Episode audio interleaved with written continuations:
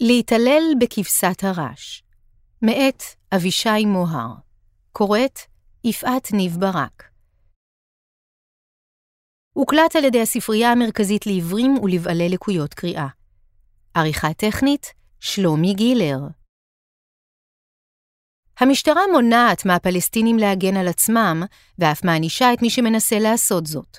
לדברי פעילה אחת, שני ילדים פלסטינים הפילו רחפן שפיזר את העדר שלהם. הילדים נעצרו ונשלחו לכמה חודשים לכלא באשמת פגיעה ברכוש. בנוסף, הם חויבו לשלם פיצויים לבעל הרחפן. בוואד אסיק, המתנחלים מונעים מהתושבים את הגישה לבורות המים שחפרו לעצמם. הפלסטינים נאלצים לנסוע ולקנות מים בעיירה הקרובה. מזרחה משם, בכפר הבדואי מערג'ת, פיזרו מתנחלים פגרי צאן בגבים המעטים שנוצרו לאחר הגשם. המים הורעלו ואינם יכולים לשמש את הפלסטינים. בכפר הקטן ביר אל-עיד שבדרום הר חברון נהגו המתנחלים לחסום את הדרך בפני התושבים, אם באמצעות ערימות עפר ששפכו ממשאיות, או באמצעות סלעים שהביאו עם טרקטור, ואם בהטלת אימה על העוברים בדרך. התושבים נטשו בסופו של דבר את הכפר, והיום המקום עומד שומם.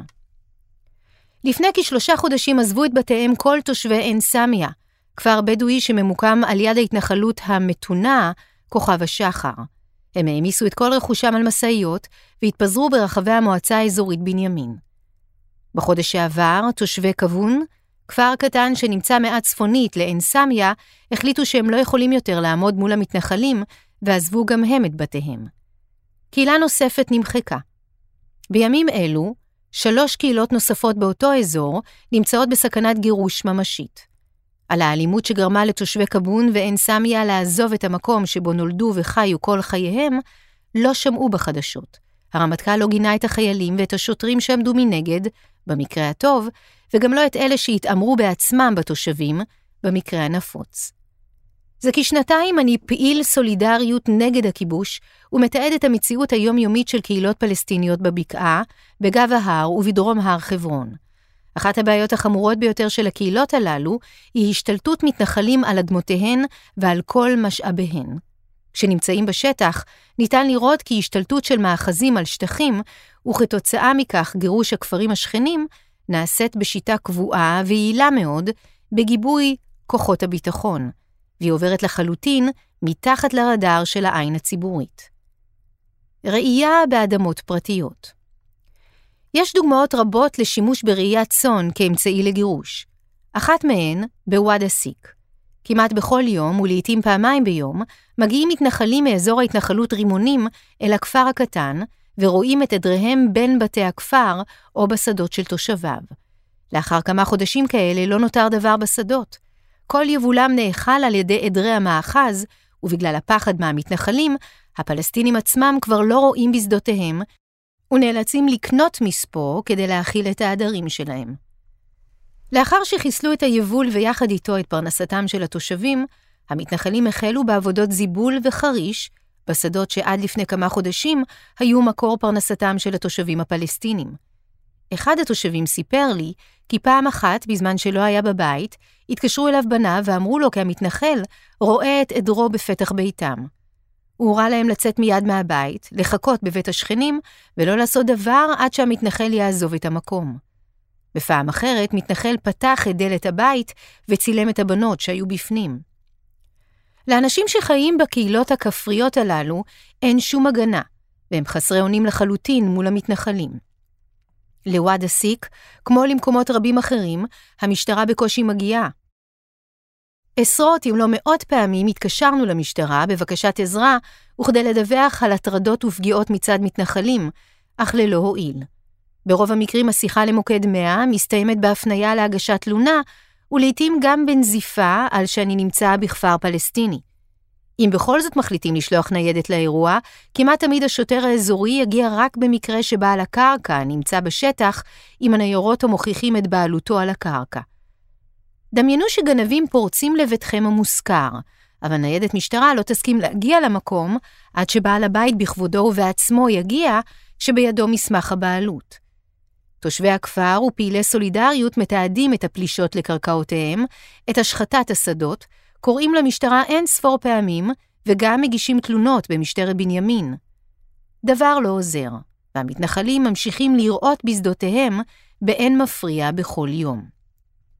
אם ינסו לעמוד על שלהם, הפלסטינים מסתכנים בפעולת נקם של המתנחלים, או במעצר על ידי המשטרה והצבא.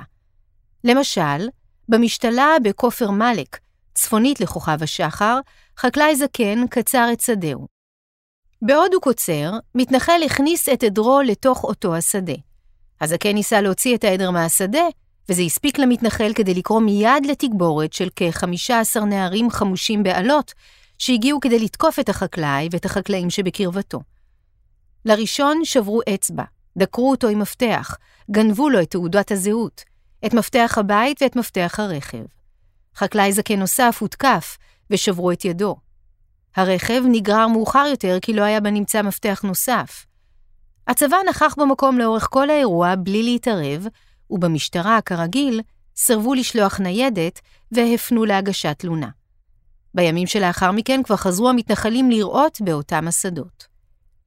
פיזור עדרים אחת הפעולות האהובות על מתנחלי המאחזים היא פיזור עדריהם של הפלסטינים, בין אם בעזרת טרקטורון, רחפן או בריצה.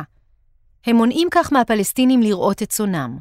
המתנחלים מחליטים באופן שרירותי על אזור שבו לפלסטינים אסור לראות, ומגרשים את כל מי שנכנס אליו. אף כי במקרים רבים, המתנחלים עצמם מתגוררים במאחזים בלתי חוקיים, ואין להם ולו מסמך בודד שיעיד על בעלותם על הקרקע. הצבא בדרך כלל מכבד ומגבה את החלטתם, וחיילים מגרשים בעצמם עדרים ממקומות שבהם אין שום עילה חוקית לעשות זאת. כמעט בכל יום, בצפון הבקעה, כמה קהילות פלסטיניות באזור המאחז חוות עמק תרצה נאלצות להתמודד עם מתנחלים שיוצאים לגרש את עדרי הצאן שלהן. לרוב, המתנחלים מגיעים בטרקטורון ונוסעים בפראות לתוך העדר. לא פעם אף דרסו כבשים והרגו אותן. כך הם דוחקים את הרועים הפלסטינים לראות קרוב יותר ויותר לביתם, ומצמצמים במידה משמעותית את שטח המרעה שלהם. בשלב זה הרועים כבר כל כך מפוחדים, שמספיק רעש של טרקטורון במרחק, כדי שהם בעצמם ירחיקו את העדרים. במקרה אחד, פעיל שניסה להגן על העדר מפני הטרקטורון, נדרס ונפצע. בעקבות זאת, אותו פעיל נעצר על ידי המשטרה. פעילה אחרת סיפרה על מקרה באזור הכפר עוג'ה, שבו שני ילדים פלסטינים הפילו רחפן שפיזר את העדר שלהם.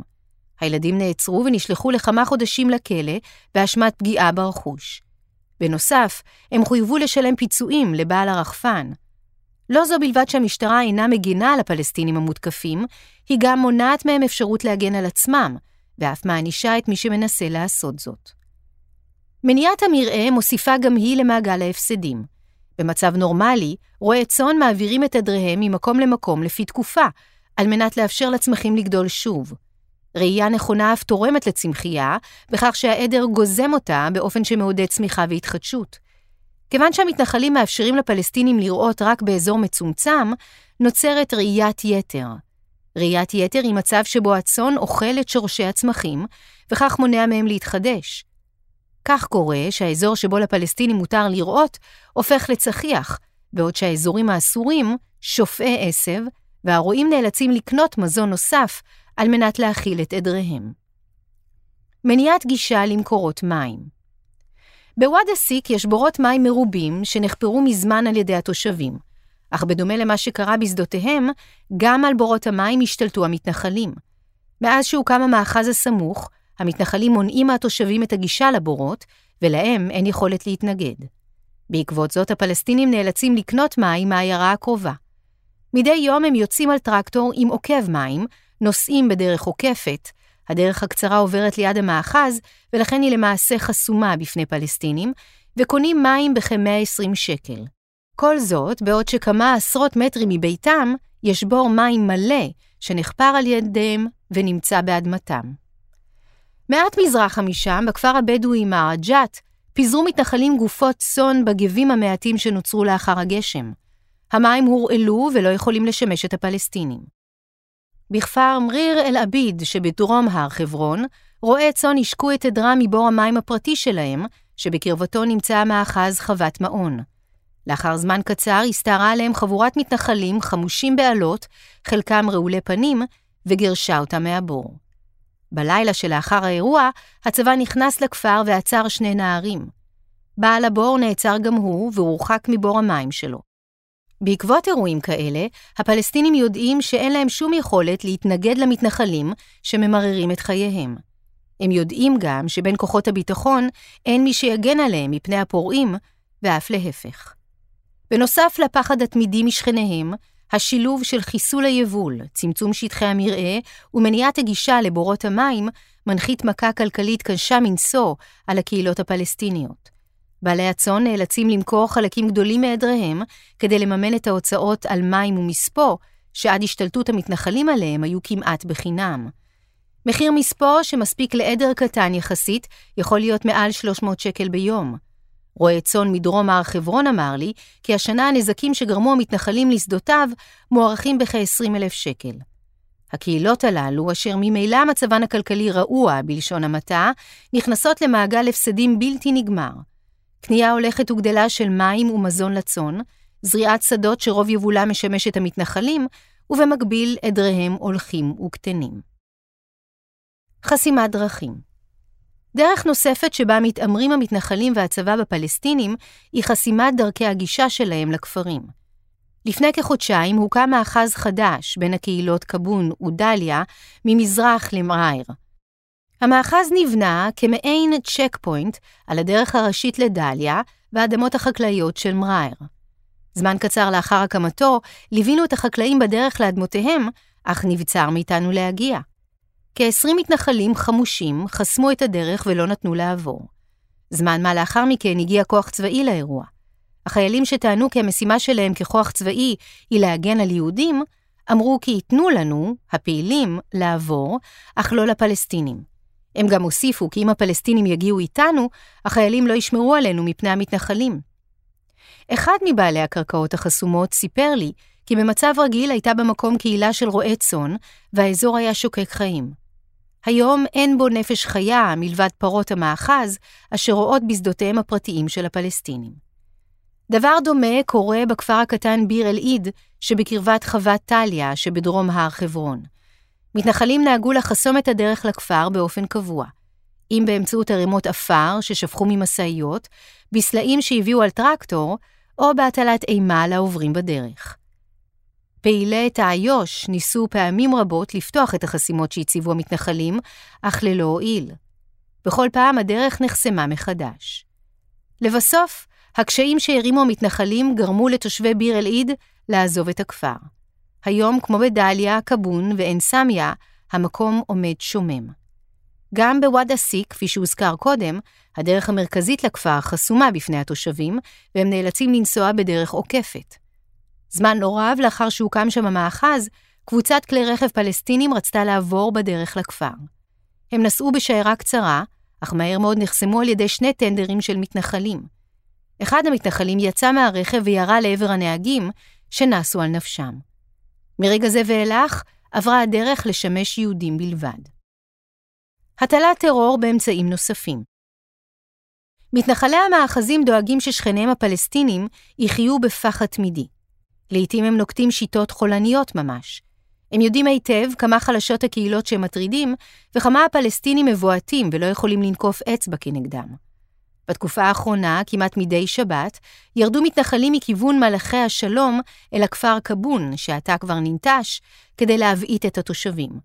לא פעם נכנסו לבתים חמושים ברובים, לבושים בבגדים סמי-צבאיים, וערכו בהם חיפושים. פתחו מגירות, שברו צלחות, הפכו את ארון הבגדים ולבסוף גנבו את הטלפונים הניידים שבהם היה עשוי להיות תיעוד של הפלישה. לילה אחד הטיסו המתנחלים רחפן שהשמיע קול אזעקה חזק מעל הבתים במשך זמן רב. בלילה אחר הגיעו מצוידים בפגרי צאן והניחו אותם בכניסה לבית הספר של הכפר. גם בוואד א-סיק המתנחלים עושים דברים דומים, וגם שם פיזרו פגרים בפתח בית הספר. למהרג'ת המתנחלים הגיעו באמצע הלילה ופיזרו נקניקיות מורעלות בין בתי הספר. בבוקר, חמישה מכלבי התושבים נמצאו מתים. אחד מתושבי הכפר סיפר לי כי הוציא את אחת הנקניקיות המורעלות מידו של בנו הפעוט. בהזדמנות אחרת, מתנחל מהמאחז הקרוב הגיע בטרקטור והוריד ארגז קרטון על יד אחד הבתים. בארגז היה פגר של גור כלבים, כמו ראש סוס במיטה. הפעולות הללו גורמות ללחץ ופחד תמידי מפני המתנחלים. התנגדות אולי בשלב זה תעלה התהייה איך ייתכן שההתעללות הזאת עוברת ללא תגובה. התשובה לכך די פשוטה. ברוב המקרים פלסטיני שיעמוד על זכויותיו יחטוף שבעתיים. כשקוסאי ג'מאל מעתן יצא להגן על ביתו מפני פלישת מתנחלים, הוא נורה על ידיהם למוות. כשתושבי אום סאפה ירדו לראשונה לאדמותיהם לאחר שהוקם עליהן מאחז, כמה מתנחלים הגיעו לכניסה לכפר, פתחו באש לעבר הבתים, שרפו בית ומכוניות ותקפו את התושבים. כשחמודי שרף צמיגים בהפגנה נגד אותו מאחז, הוא נורה למוות. כשתושבי בורין הגיעו לנטוע זיתים באדמתם, הם הותקפו באלות ואבנים, ומכוניותיהם נשרפו. כשעלי חרב יצא אל השדה שבו מתנחלים רצו להקים מאחז, הוא נדקר למוות. כשסאלח ואחיו ניסו לגרש עדר כבשים מהשדה שלהם בדרום הר חברון, סאלח הותקף באלה ובגז פלפל ופונה באמבולנס, ואחיו נעצר. כשהארון ניסה להחזיק בגנרטור שחיילים רצו להחרים, הוא נורה בצווארו, הפך משותק לחלוטין, ומת שנתיים לאחר מכן. כשבסם ואחיו ראו באדמותיהם למרגלות מאחז בדרום הר חברון, הם הותקפו על ידי מתנחלים. לאחר מכן הגיעו חיילים, ירו עליהם גז מדמיע ועצרו אותם.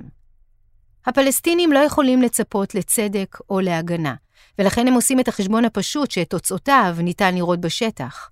קהילה אחר קהילה בורחת מאימת המתנחלים, ותרה אחר מקום שבו לא יטרידו אותם. ככה קורים בפועל הטרנספר והטיהור האתני של שטחי C.